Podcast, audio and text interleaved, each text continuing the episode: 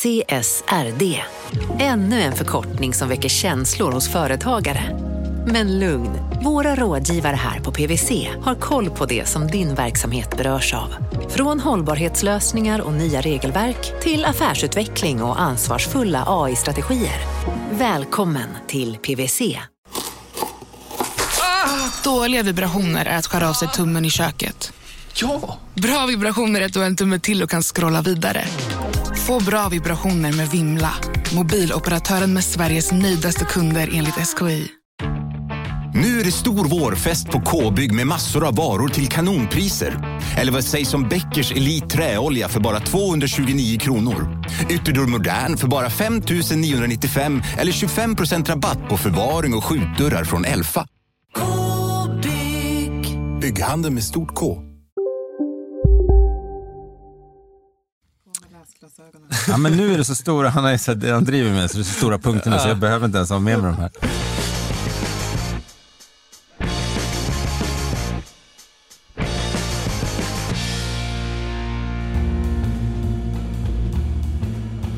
Nordkorea finansierar kärnvapen med kryptostölder.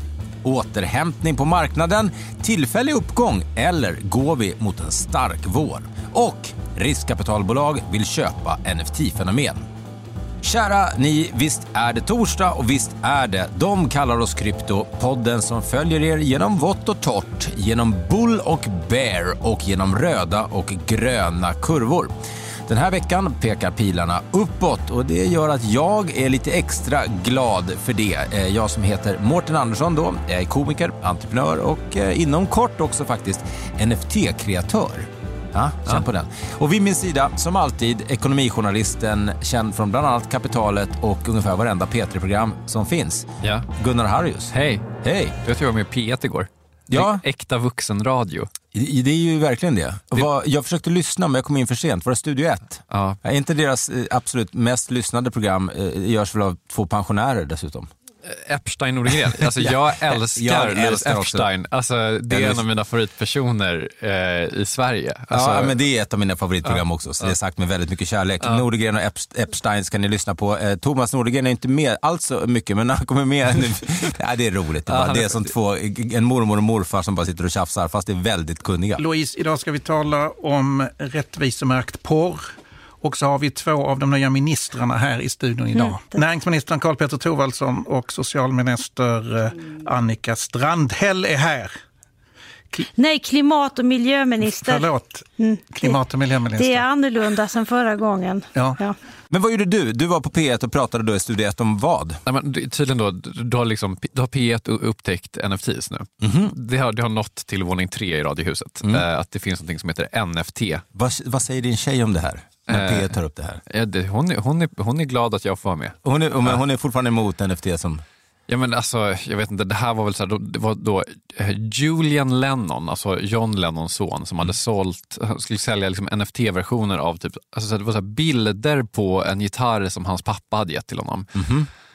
Alltså kom igen, kände jag. Ja. ganska mycket. Alltså, så här, ja, Nej, det var inte... Alltså det är det jag tycker, eh, som jag tror många har bilden av vad en NFT är idag. Att det är en, en, en JPEG, en vanlig bild Ja. som vem som helst kan kopiera och liksom eh, sätta som sin avatar på en social media eller whatever, hänga upp på väggen och säga att man äger den. Eh, men men det NFTs har ju så mycket mer och det, där, det håller ju på verkligen på att explodera vad en NFT kan innehålla. Men när, i- jag då som jobbar med RAW och vi äntligen kommer få öppna upp nu igen, det är kanske därför jag också är så extra glad. Ja. Bara flika in det snabbt. Vi öppnar 25-26 februari. Ja. Äntligen Raw Comedy Club i Göteborg och Stockholm. Så kan man gå in på rawcomedyclub.se och köpa biljetter om man vill göra det. Eh, Så det blir en hel del stand-up framåt också. Så.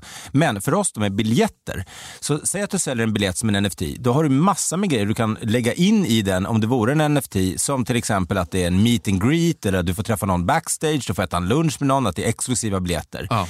Eh, eh, och sen så finns det ju allt fler NFT som jag har investerat i har ju också sådana här DAOs då, som vi har pratat om flera gånger. Ja, visst, där de det också. investerar för att de får då en procent som nästan alla NFT som eh, kre, kreatörerna av den har oftast då 10 procent i secondary, alltså andrahandsförsäljning. Mm. Och det blir ganska mycket pengar om det är stor volym i försäljningen som då kan investeras i olika saker och du kanske antingen får tillbaka airdrop i form av pengar eller att investeras i stora andra projekt där du får en del i projektet. Så att NFTs är på, på väg att bli någonting helt annat än vad det var i, i begynnelsen såklart. Jag, jag tänker att det är lite spekulation, eh, men det är en spekulation i en av två saker. Alltså antingen så är det en spekulation i pris. Det finns ju folk som verkligen, alltså det är ju uppenbart tycker jag, att det finns jättemånga projekt där folk verkligen köper saker för att de tänker att någon annan kommer kunna köpa det dyrare. Och, då, Absolut. och det är ju liksom, alltså man, folk får väl köpa och sälja vad de vill, men, men där, där känner man ju så här, ja det där är en bubbla, det där kommer spricka, folk kommer förlora pengar på den delen. Liksom. Men den andra spekulationsdelen,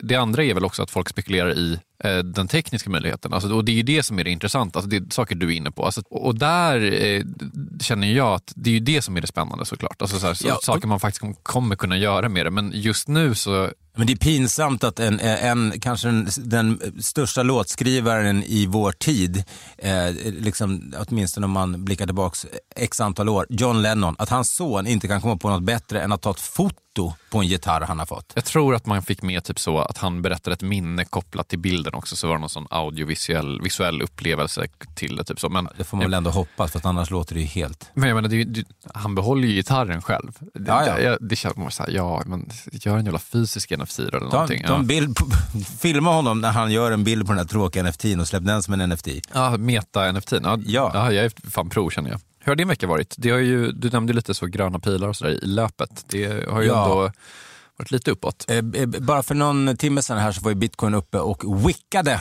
Eh, Alltså när den inte har stängt då kanske ett fyra timmars candle. eh, Men att den har varit uppe och nosat på det och sen fallit tillbaka lite. Men den var över 45 000 dollar och ethereum var en bra bit över 3 200 dollar. Så att det har ju varit positiva tongångar minst sagt senaste veckan och roligare i alla WhatsApp och telegramgrupper man är med i nu. Men jag känner ändå att folk är lite herre för att eh, jag såg eh, vårt orakel, Vahitosi, som jag förut smsade precis innan jag gick in hit för att jag ville att han ska komma hit eh, snart.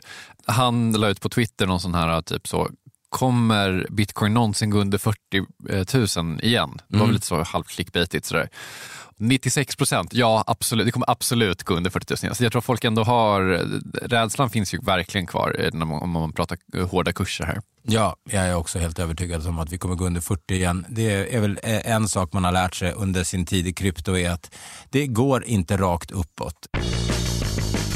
Som vanligt så har vi då en underbar gäst med oss idag. Denna torsdag heter hon Mikaela Berglund och är en allmän finansprofil och styrelseordförande också i något som då heter Hodl Spac.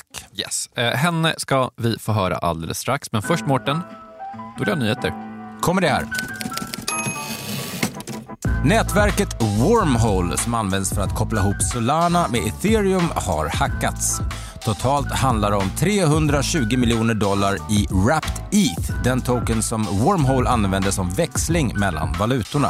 David, that's right. Last week's $320 million crypto heist from the Wormhole Network is being called the fourth biggest crypto hack of all times. And that's reminding investors of the dangers of some of these cutting edge services. Wormhole erbjöd 10 miljoner dollar till hacken för att ha upptäckt en svaghet i systemets säkerhet, men ännu har inga coins lämnats tillbaka. Attacken är den fjärde största kryptostölden någonsin. På tal om hackerattacker, Nordkorea använder stulna kryptovalutor för att finansiera sitt kärnvapenprogram. Det uppger en FN-rapport. Hackers stole more than $50 million worth of digital assets between 2020 and mid 2021. Totalt ska det handla om ungefär 50 miljoner dollar som nordkoreanska hackerattacker har alstrat. Analysföretaget Chainalysis har i sina rapporter uppgett att det handlar om ungefär åtta gånger så mycket pengar. Riskkapitalet Andresen Horowitz vill investera i Bored Ape Yacht Club. Totalt ska det handla om en investering på 200 miljoner dollar, vilket skulle räcka till en apa. Nej, jag, sko- Nej, jag skojar. Eh, Det skulle i så fall värdera hela Bored Ape Yacht Club till hisnande 5 miljarder dollar. Ännu är dock ingen deal påskriven. Manchester United-legendarerna Gary Neville och Paul Scholes startar en fotbolls-DAO. Tillsammans med spelmogulen Peter Lim ska man starta Class of 92 DAO som ska fungera som en investeringsfond med fokus på fotbollsinvesteringar. Även Ryan Giggs, som står under utredning för kvinnomisshandel, är kopplad till projektet. En börshandlad bitcoin miningfond gör nu entré på Nasdaq-börsen. Det är fondbolaget Valkyrie som står bakom fonden som ska fokusera på bolag som använder sig av förnybar energi för att just mina bitcoin. Fonden har fått ticken WGMI, alltså en förkortning av We're gonna make it. Men det visste du såklart eftersom du lyssnade på förra veckans Kryptoskola.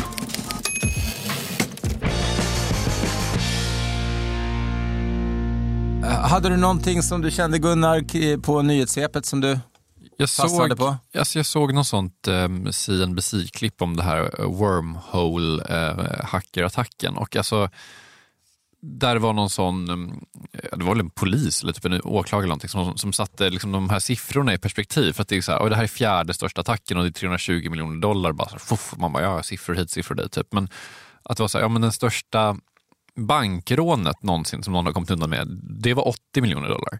Mm. Och det här är liksom fyra gånger så mycket och det är bara den fjärde största kryptohackerattacken som har gjorts. Att det, bara, det, ja, jag vet inte, det svindlade till lite för mig i alla fall när jag hörde den Mm. siffran. Att så här, shit, det här är som man skulle göra fyra av de största bankrånen samtidigt på liksom tio sekunder här. Alltså det vore ju eh, intressant att göra en, eh, kanske en special på kryptokriminalitet.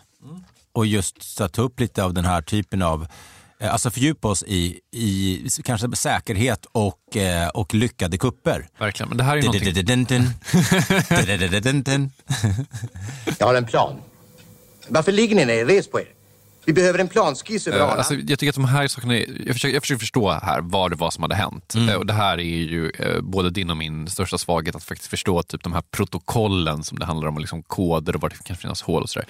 Men, men som jag förstod det så var det ett ganska typ så vanligt programmeringsfel som hade utnyttjats här. Mm. Och att det kan uppstå, alltså att det finns då ett vanligt programmeringsfel eh, som gör att eh, ändå en det är väl inte så att hela, bit, hela liksom kryptovärlden står och faller på wormhole här, men det är ändå liksom en, en, en stor spelare på marknaden. Liksom. Mm.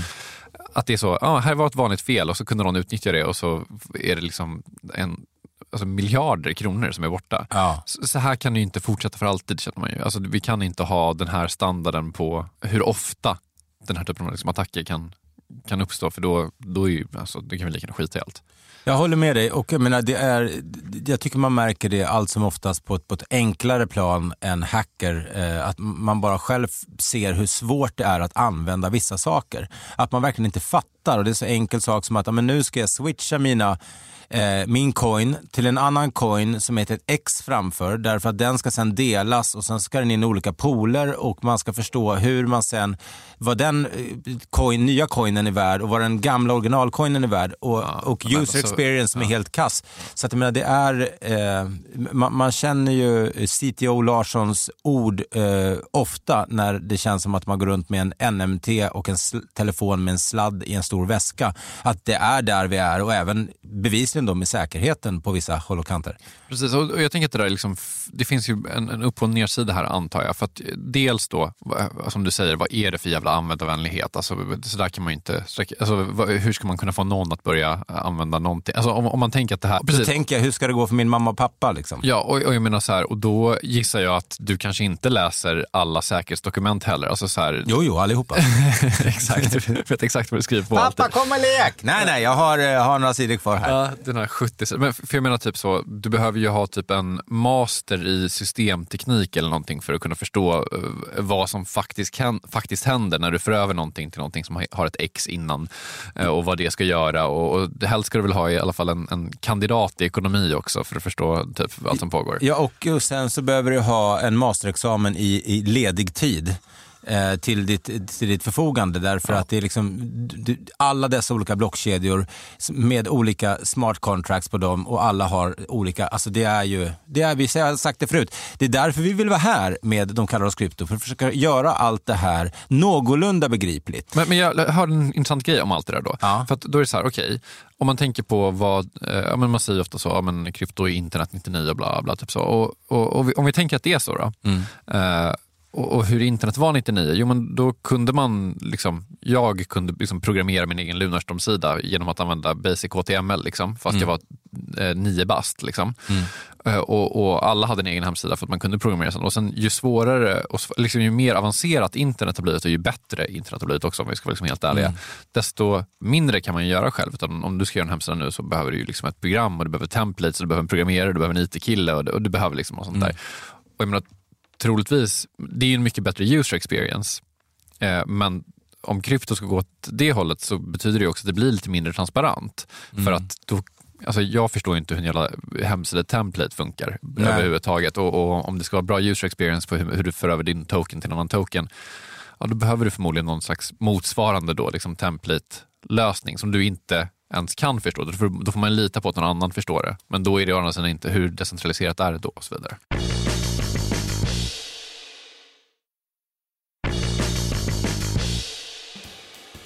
Alright Morten, eh, det har blivit dags att eh, ta in vår gäst. Ja, hon är finans och börsprofilen som gjort en karriär på EFN och som VD för Feminvest. Nu är hon nybliven styrelseordförande för Hodl SPAC. Det tomma kryptobolaget som gjort entré på börsen.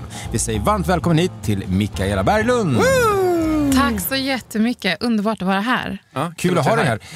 Jag är ju inte lika eh, utbildad inom ekonomi och lika erfaren som er två. Eh, tomt bolag sa jag, eh, mm. men det, det, det, är för att Gunnar har skrivit det. Det är inte riktigt helt tomt, för vi har, ju, vi har ju en hel del pengar Just det. det kom ju in 30 miljoner väl i emissionen. Ex, exakt, och dessutom så skulle jag säga att vi är ett otroligt fint team sammansatt också. Eh, och utan att liksom lyfta mig själv för mycket eh, så vill jag tillskriva det till mina kollegor där eh, mm. på Hodel. Och eh, det här kan också vara en av de snabbaste spackarna som kan ha genomförts. Det vill säga processen från idé till att vi faktiskt var ett listat bolag mm. var eh, väldigt kort. Och Det är också en effort som jag tycker är vi kan nog ta många världsrekord. Utöver att liksom jag är den första kvinnliga SPAC-ordföranden inom blockchain, förmodligen världen över, Bravo. så var vi nog också snabbast till startlinjen. Och det måste vi såklart ta upp, eh, hur, hur idén eh, och hur det kunde gå så fort eh, och teamet och sånt där. Men kanske allra först då för eh, oss, säger jag, eh, mm. lyssnare eventuellt då och jag själv som inte är lika bevandrade. Om vi börjar med SPAC, vad, vad, vad är det? Mm, bra fråga. Så det här är ju någonting som har liksom blommat ut under de senaste två åren, skulle jag säga. Framförallt nu under pandemin. Och ett, har varit ett eh, lite snabbare sätt för bolag att notera sig bakvägen genom, en, genom att man eh, egentligen först listar ett bolag, man reser en, en summa pengar och sen så ska det bolaget under en begränsad tid leta efter ett bolag som de ska investera i. Mm. För att det här ska bli framgångsrikt och jag kan säga det, det betyder ju eh, Special Purpose Acquisition Company, kan jag också säga för att vara tydlig. Um, och det här gör ju att, hur, hur ska man göra för att lyckas? Man måste vara personer som folk litar på så att man eh, kan ge sina pengar till de här som ska driva den här spacken. Sen så behöver du ha ett tydligt mål som folk kan opta in på även om det inte är en faktisk verksamhet. Eh, så det är ju två tydliga eh, liksom inriktningar och som, eh, som eh, ja, ligger bakom de som faktiskt blir framgångsrika. Just det. Men bara för att vara mega tydliga kan man säga att ni grundar ett bolag som inte har någon verksamhet, alltså ni producerar ingenting, ni, ni liksom har inga fabriker som gör någonting eller så. Och sen så börsnoterar men ni har massa pengar och sen så börsnoterar ni det bolaget med målet att köpa ett bolag som har en verksamhet. Det är väl liksom super 101 typ. Precis. Ja. Så i Hoddles fall så skulle man kunna säga att det är en, en, en grupp personer med liksom finansmarknad, juridik, blockchain-bakgrund. Vi bestämde oss för att det som kommer hända som är superspännande framåt, det är just inom blockkedjeteknik. Det håller på att bli mer mainstream, alla vill in. Och det ser vi på liksom institutionellt kapital och alla VCs nu som riktar in sig eh, på det här, här, området. Och dessutom så tyckte vi att vi hade en bra position, då, både liksom traditionell finansmarknad, kontakter med investerare och eh, blockchain-marknaden. Mm. Jag vill bara säga en sak för transparensens skull här. Eh, och det är att eh, Mårten, du har investerat lite i det här. Ja. Eh, det tycker jag är viktigt att säga. Jag vill bara säga en annan grej för transparensens skull är att eh, jag bjöd in dig Mikaela ovetande om att du har investerat i det här Mårten. Så det är inte så att, eh, att det här är någon slags så här, Mårten Andersson har beordrat mig att, att pusha sin investering. Men bara, bara så lyssnarna är med på det. Jag är inte Najib Bukele. Nej, du är inte Najib Bukele. nej, nej, exakt. Ja, men det stämmer. Men låt oss gå tillbaka till den frågan vi snuddade vid lite snabbt i presentationen av det där. Du sa att det var kanske någon slags rekord i hur fort det har gått. Vad vad, hur, hur började det och varför gick det så fort?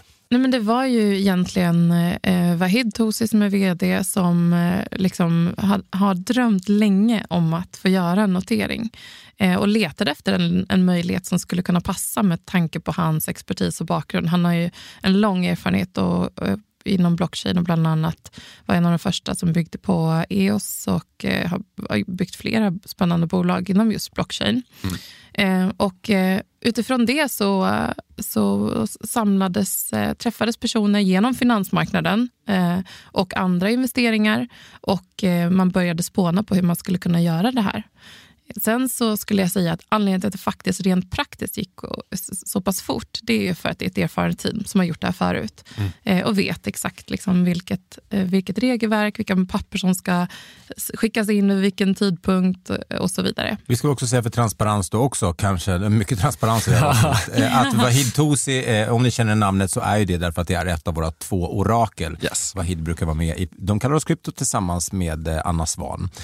Men eh, 30 miljoner, vad får man för det egentligen? Mm. Är inte det lite pengar?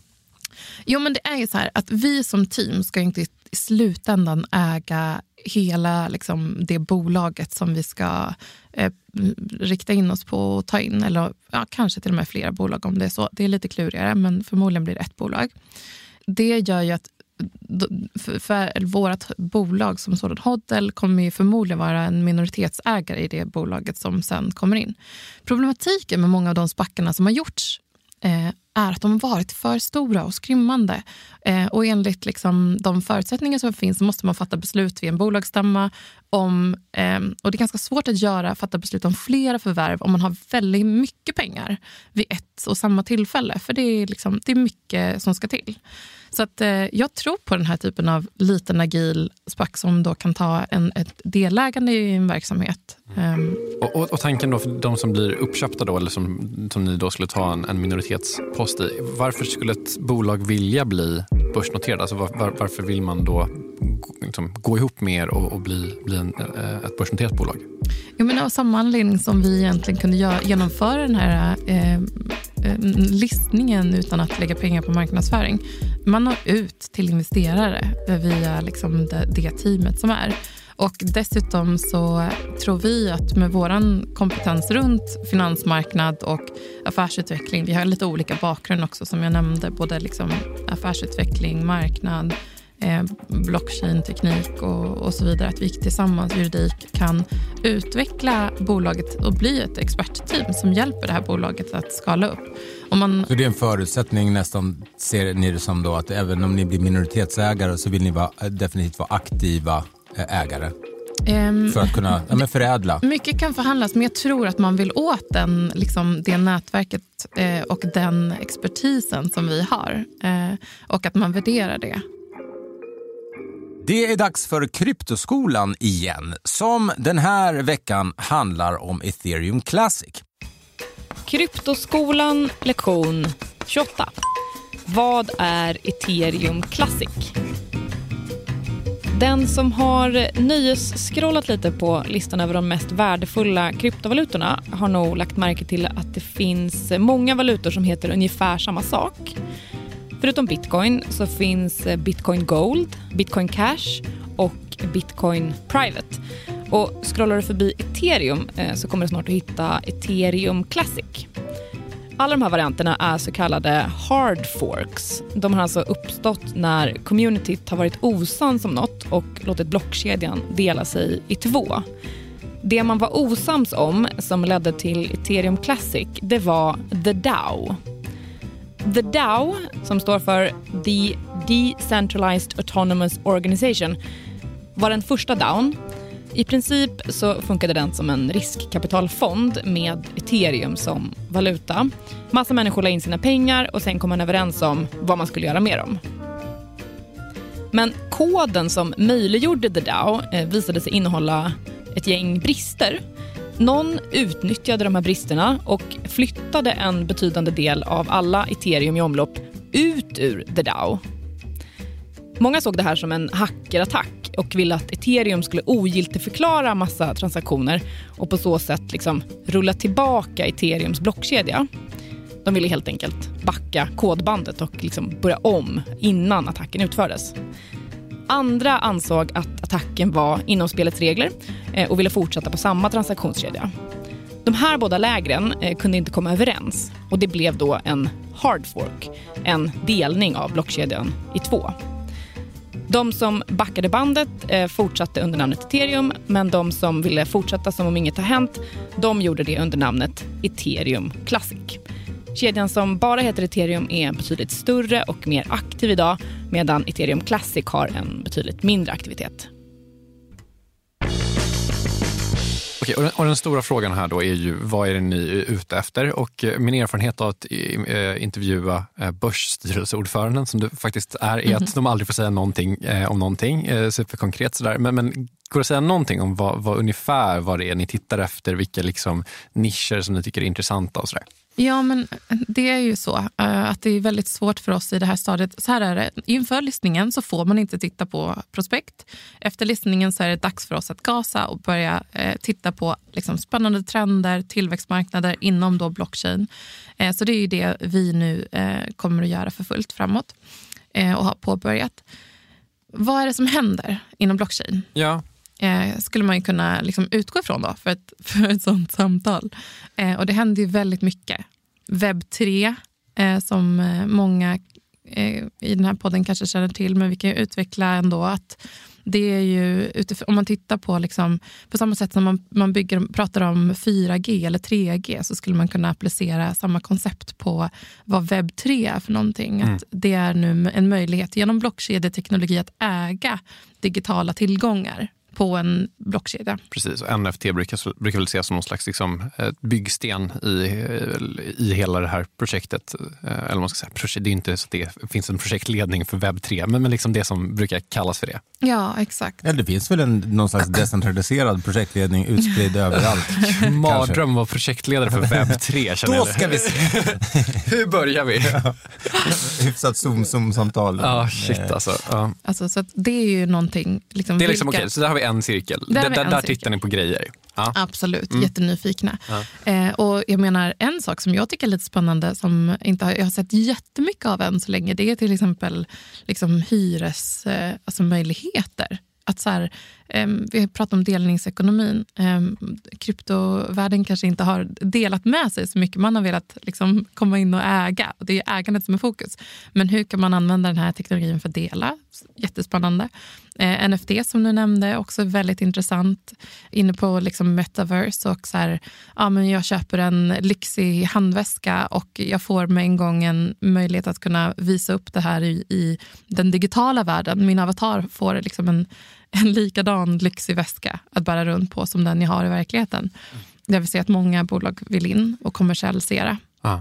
Är det där någonting som du själv Alltså är... kunna dela en, en, pra, en väldigt lyxig Prada-väska med... Det är, ju- det är ju, så är det ju nu. Ja, men Eh. för det där är, det någonting som du själv är intresserad av också, eller du Mårten också? Alltså för att det, det där är, för du har kanske märkt ett lite växande NFT-skepsis från min sida de senaste veckorna. I Eh, takt med min ökade Exakt. intresse. Men, men just eh, det där kan jag ändå känna någonstans när det är liksom kopplat till den fysiska världen så tydligt att det är så här, du, du köper en väska i verkligheten, det är en statussymbol där och du får en likadan i metaverse metaverse om det någonsin blir en grej. Liksom. Alltså där, där kan jag ändå känna att så här, okej, jag, jag kan se det hända. Liksom. Mm. Vad känner du kring det? Nej, men jag tror jag pratat flera gånger i den här podden om, om just eh, eh, metaverse och wearables, alltså kläder, digitala kläder.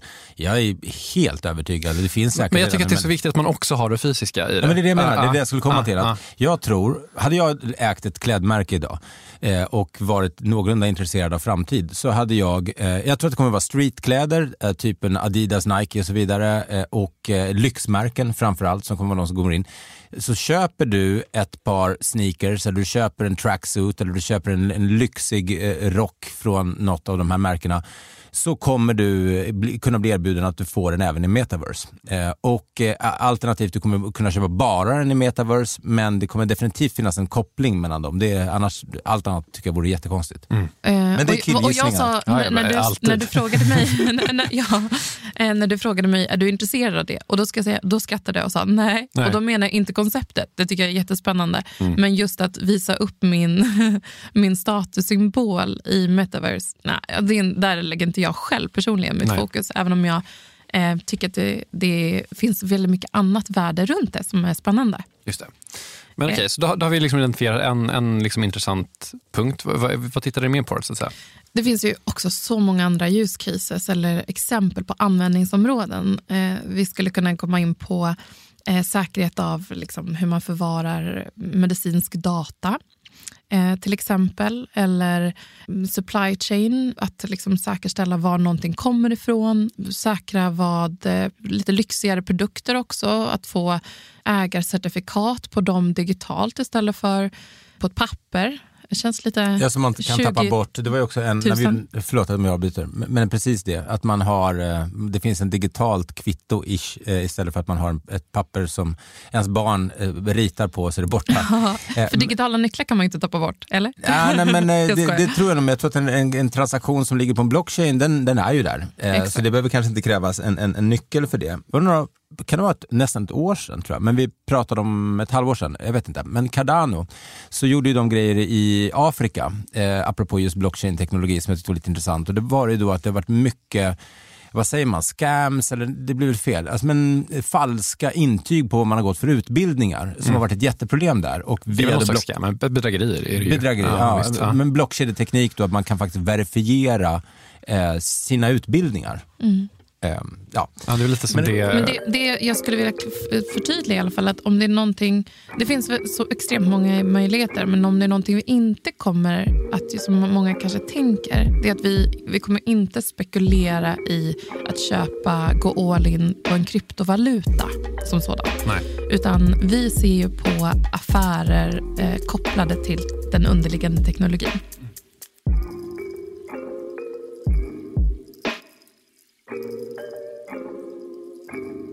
Jaha, eh, Harpan. Ja. Det är lyssnarfrågor... Varför sa jag ja på det?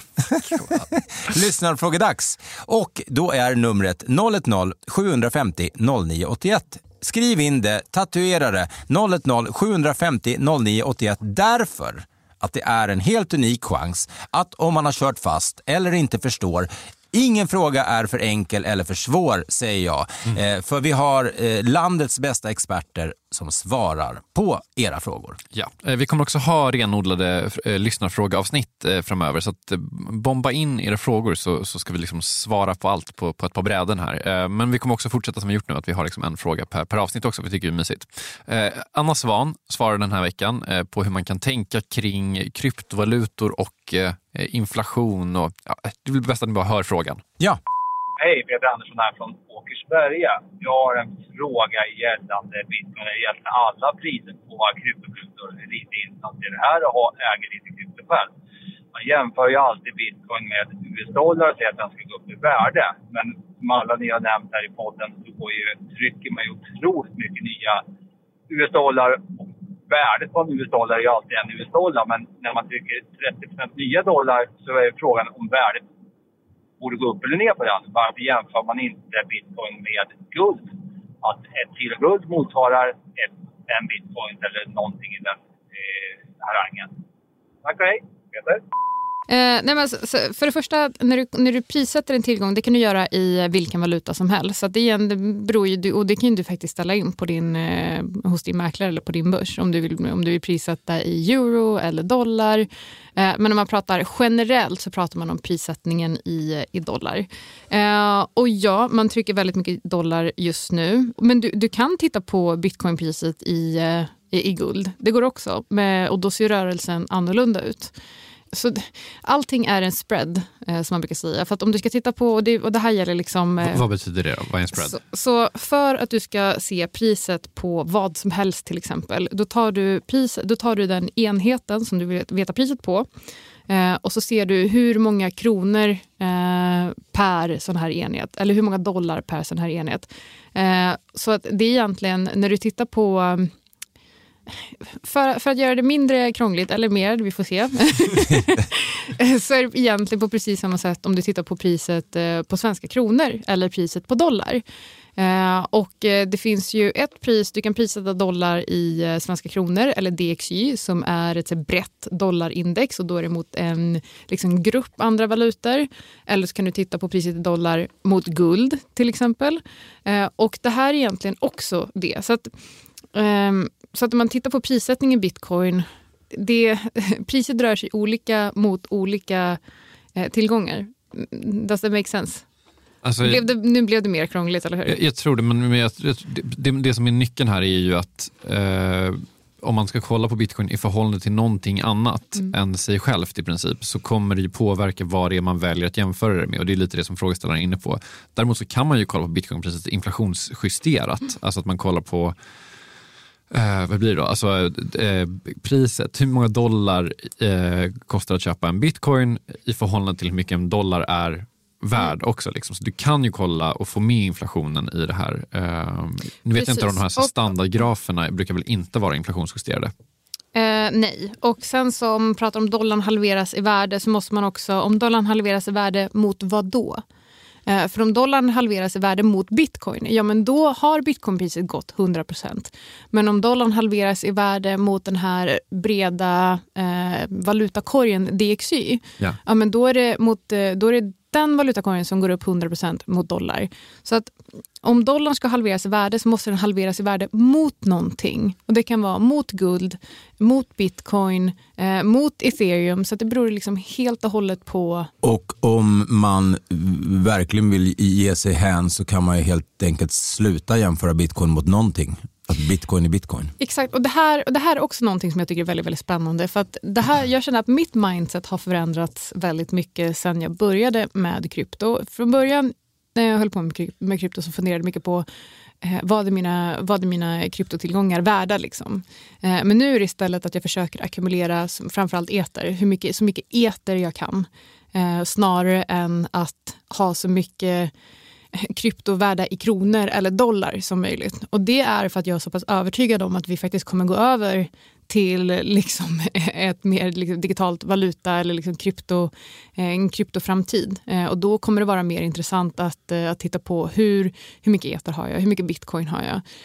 För att om man tittar på i, då kan vi göra en, en jämförelse med Argentina, det är ingen där som tittar, som historiskt tittar på hur mycket argentinska pesos har jag, utan de funderar på hur mycket dollar har jag. Eh, och sen så har det med åren behövt vara mer och mer pesos. Och jag tror att det mindsetet, det har i alla fall förändrats för mig. Så att nu funderar jag på hur mycket krypto har jag, punkt. Liksom antal bitcoin, antal eter, snarare än eh, någonting annat.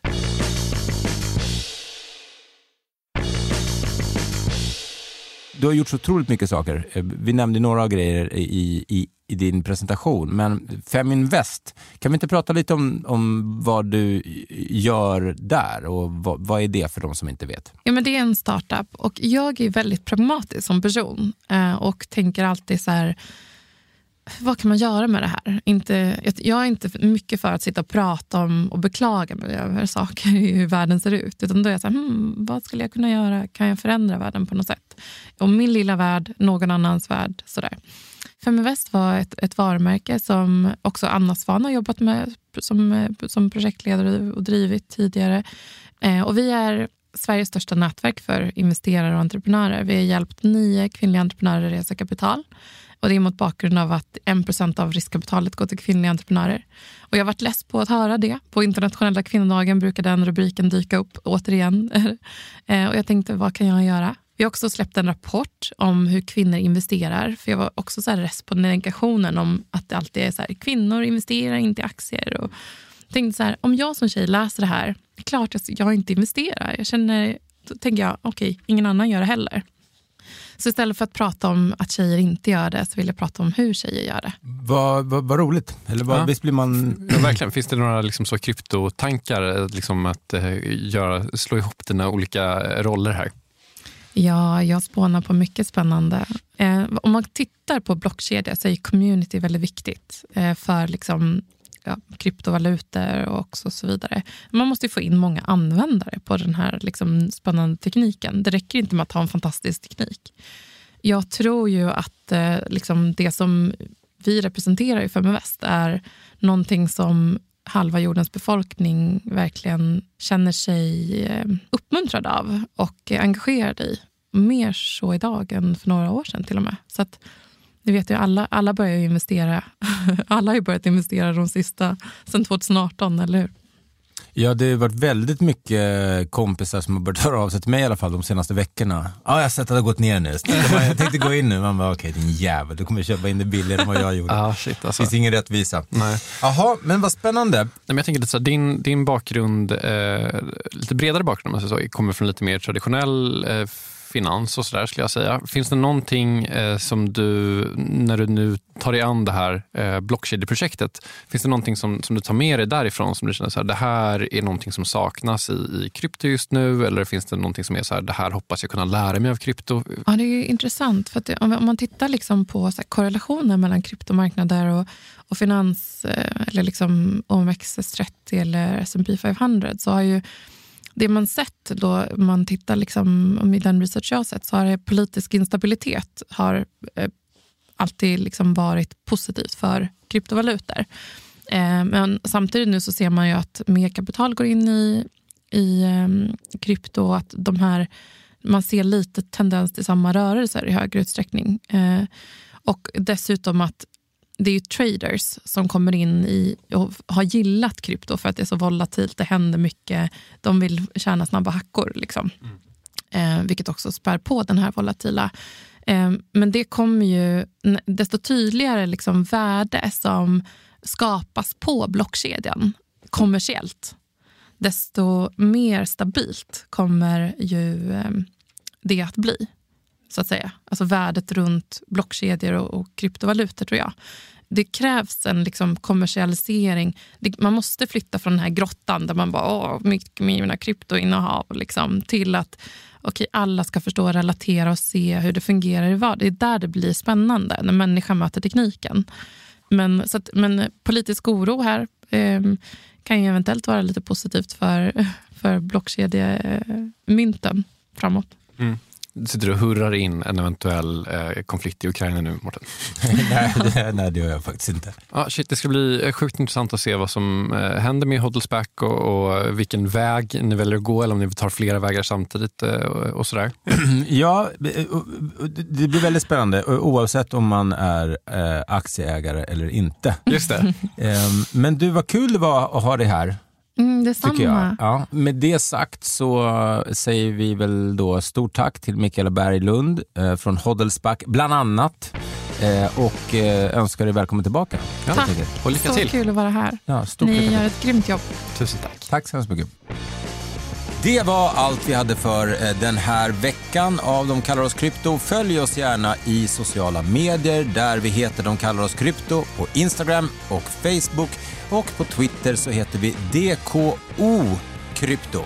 Just det. Borde vi säga någonting om vårt Facebook-konto? Att det finns några som utger sig för oss där och som försöker... Ja, just det. Det är, eh, hur ska man säga att det inte är vi? Alltså var bara noggranna när ni är på Facebook och kolla så att det inte är Det, det finns ju helt enkelt några bedragare som Ja. har tagit vårt namn och vår bild och allt eh, och de eh, uppman, kommer uppmana er att skicka olika coins till olika ställen. och så där. Det kommer vi aldrig någonsin göra. Vi kommer aldrig be er skicka en enda coin någonstans, det kan vi lova. Ja. Så att, eh, är det någon som ber för pengar, då är det inte vi. Nej, utan då, för, för, det, för den typen av transaktioner måste ni ta det till mitt privata konto då. Som heter Martin Andersson 1974 på Instagram. Nej, skämt åsido, tack för att ni lyssnade. Tycker ni om oss så eh, recensera oss jättegärna på Spotify eller i podcastappen. Nästa vecka blir det, man kan tycka att vi pratar lite mycket NFTs, men det är ju också, känns det som att det är, vecka efter vecka så är det det som är ordet på folks läppar. Mm. Och eh, nästa vecka då får vi hit en kille som eh, är väldigt begåvad och som eh, är då kreatör, NFT-artist. 10 second artist Ja, heter han. det ska bli skitspännande. Mycket eh, spännande det fråga om där. Ja. Med det sagt, ha en superfin vecka säger jag som heter Mårten Andersson och vid min sida som alltid Gunnar Harrius. Hej! Hej då!